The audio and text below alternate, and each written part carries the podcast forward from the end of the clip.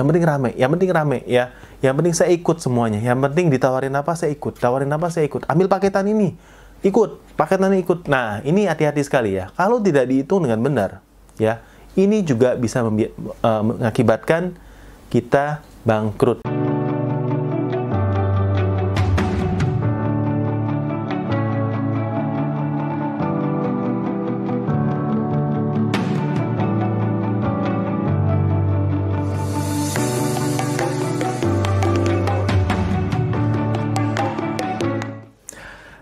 Botakers, kembali lagi bersama host kamu Om Botak di channel kesayangan kamu Cerita Om Botak. Di channel ini kita membahas tips and trik untuk teman-teman yang ingin belajar jualan online terutama di marketplace. Oke, kembali lagi kita akan ada topik yang sangat menarik ya. Hari ini kita akan bahas empat ya kesalahan jualan di marketplace yang bisa bikin kamu bangkrut. Nah, ya ini, ini topik yang tentunya menarik banget karena uh, kita sudah berjualan online dari 2011 dan sampai uh, sekarang sudah 10 tahun ya sudah lebih dari 10 tahun. Di sini kita bisa melihat kesalahan-kesalahan apa sih yang sudah pernah kita lakukan ya yang bisa bikin kita hampir bangkrut atau kita melihat dari pengalaman dari teman-teman seller lain yang juga bangkrut atau mungkin udah udah nggak berjualan online, online lagi karena melakukan kesalahan kesalahan seperti ini. Oke, okay.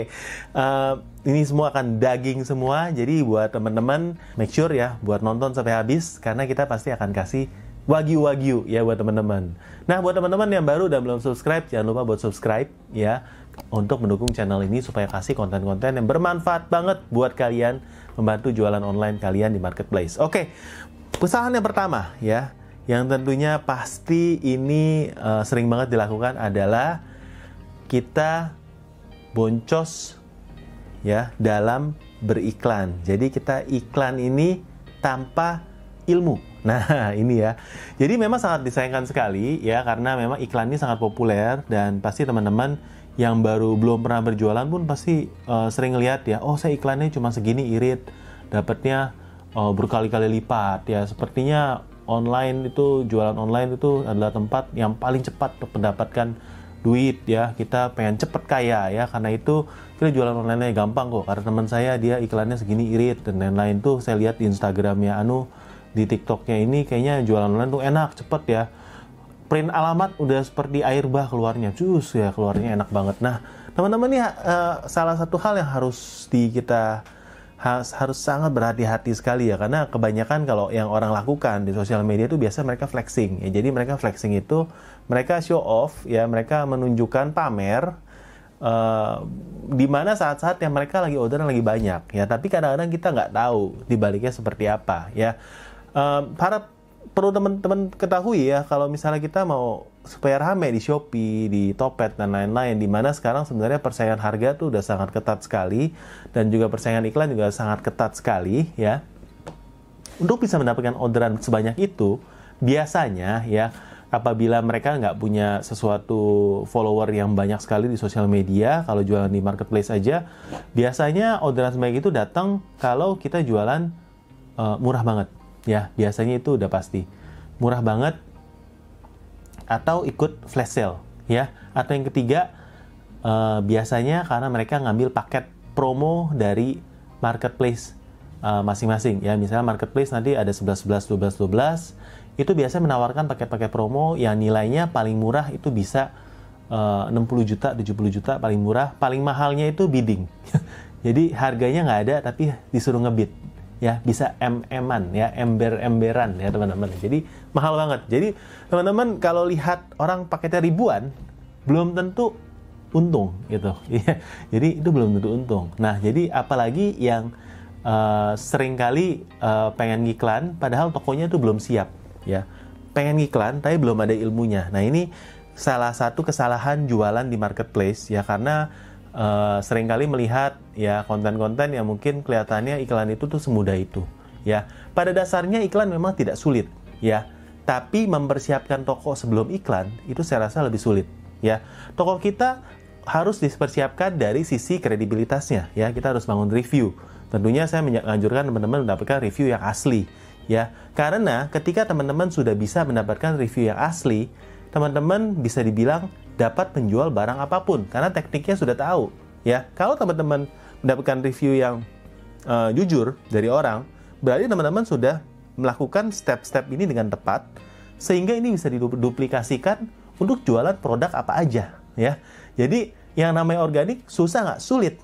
Tapi organik itu lebih nikmat rasanya ya. Kalau misalnya kita makan apa ayam yang organik sama ayam yang negeri yang nggak organik ya suntikan ya tentunya rasanya beda ya kan. Pasti organik itu kalau kita udah paham, kita tahu caranya dapetnya ke sana bukan hoki aja, ilmunya ini kita bisa bisa kita uh, multiplikasi ya, kita duplikasikan ke produk-produk atau uh, toko-toko lain. Nah, di sini kita memang uh, harus yang kedua itu harus siap tokonya. Nah, siapnya gimana? Nah, ini pertama kan sudah sudah tahu ya untuk reviewnya, untuk produknya juga sepertinya udah terpercaya. Fotonya kita siapkan sudah harus bagus dulu ya. Minimal fotonya itu beda dengan dengan foto-foto yang lain, terutama kalau kita memang bukan jualan termurah ya.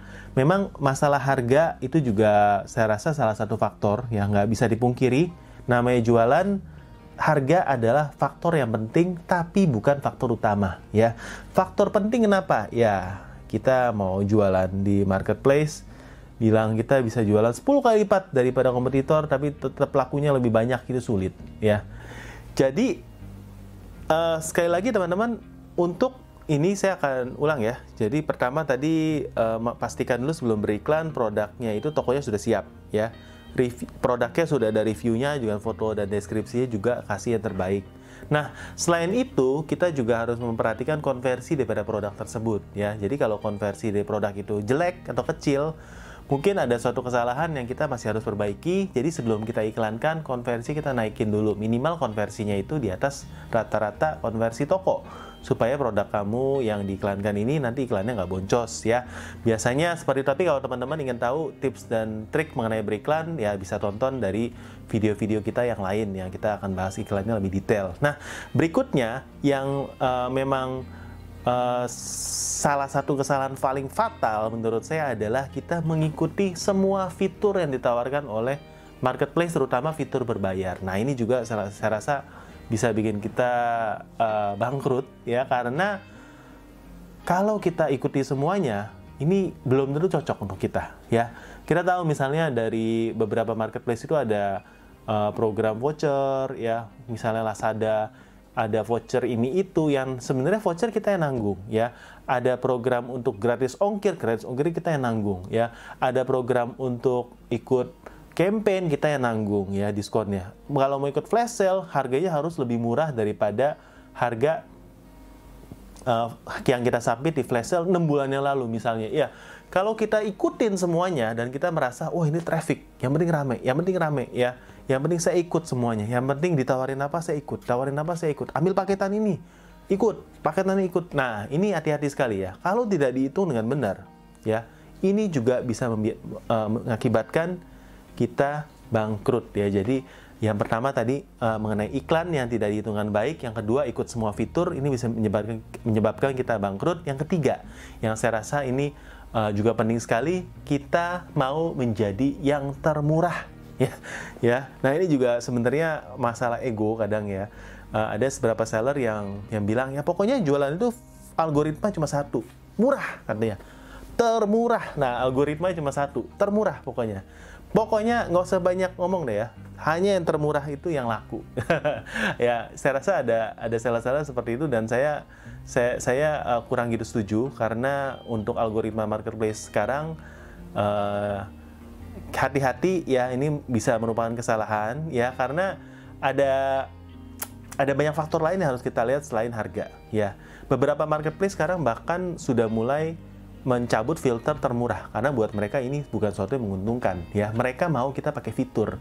Bukannya jual termurah dan laku. Ya tanpa menggunakan fitur-fitur mereka karena mereka akan mendapatkan keuntungan ya dari fitur-fitur yang kita gunakan. Ya seperti iklan seperti kita uh, menggunakan ambil paket ini paket itu. Itu kan fitur-fitur ya mereka sediakan ya. Jadi jangan cuma berpatokan dengan harga murah dan ingin punya ego untuk menjadi termurah di kategorinya karena kita kadang nggak tahu ya Ka mungkin uh, kalau kita pas ketemu tanda kutip seller yang lebih kecil mungkin kita modal lebih kuat. Tapi makin ke sini kok saya melihat sebenarnya pemain marketplace itu banyak yang raksasa ya.